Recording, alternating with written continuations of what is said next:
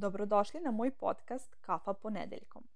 Za temu ovog ponedeljka odlučila sam da vam otkrijem kako da vam ponedeljak ne bude depresivan.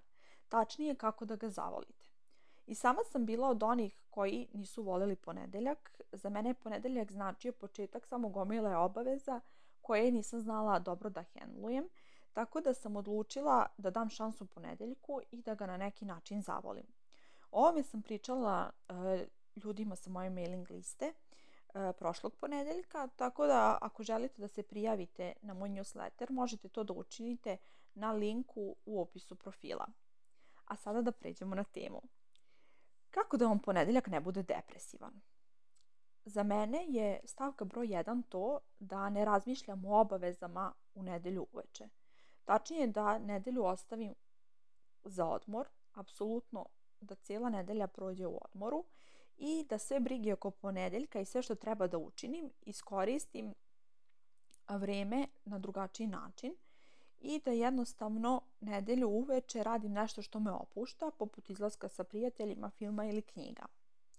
Zatim da na spisak napišem sve stvari koje sam prethodne nedelje uspešno uradila i da tako sebe motivišem i da energičnije dočekam sledeći ponedeljak. To bi bile neke sitne stvari, ali i neke naravno krupne koje su me usrećile prethodne nedelje.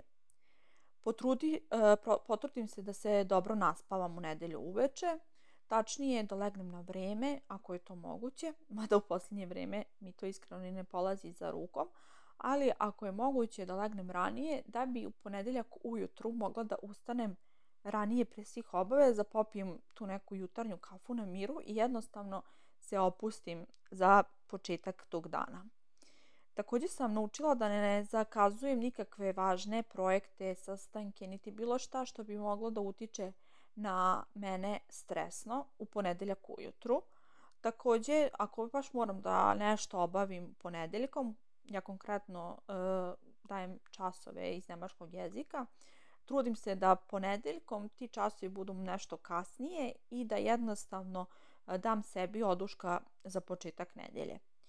A, takođe sam učila se ne želim na ponedeljak, a, jer je žaljenje nešto najgore što možete sebi da priuštite. Tačnije, žaljenje je samo izgovor da nešto, da za nešto nismo sposobni.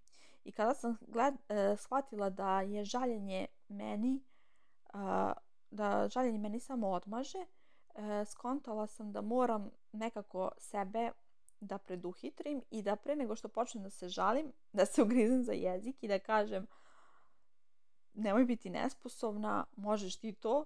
E, žaljenje je samo znak da si nesposobna to da uradiš. E, takođe sam učila da napišem spisak svih stvari na kojima sam zahvalna, e, kako na privatnom, tako i na poslovnom planu i da to čitam ponedeljkom ujutru.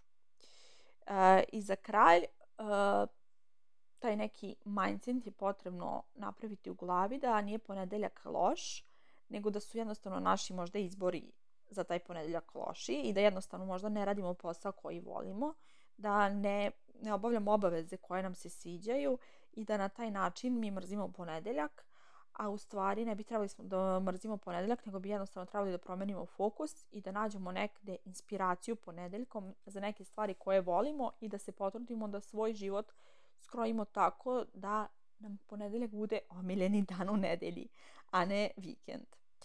E, nadam se da sam malo pomogla i da sam vam učinila da malo bolje savladate te neke izazovne situacije ponedeljkom, ali naravno i svaki drugi dan.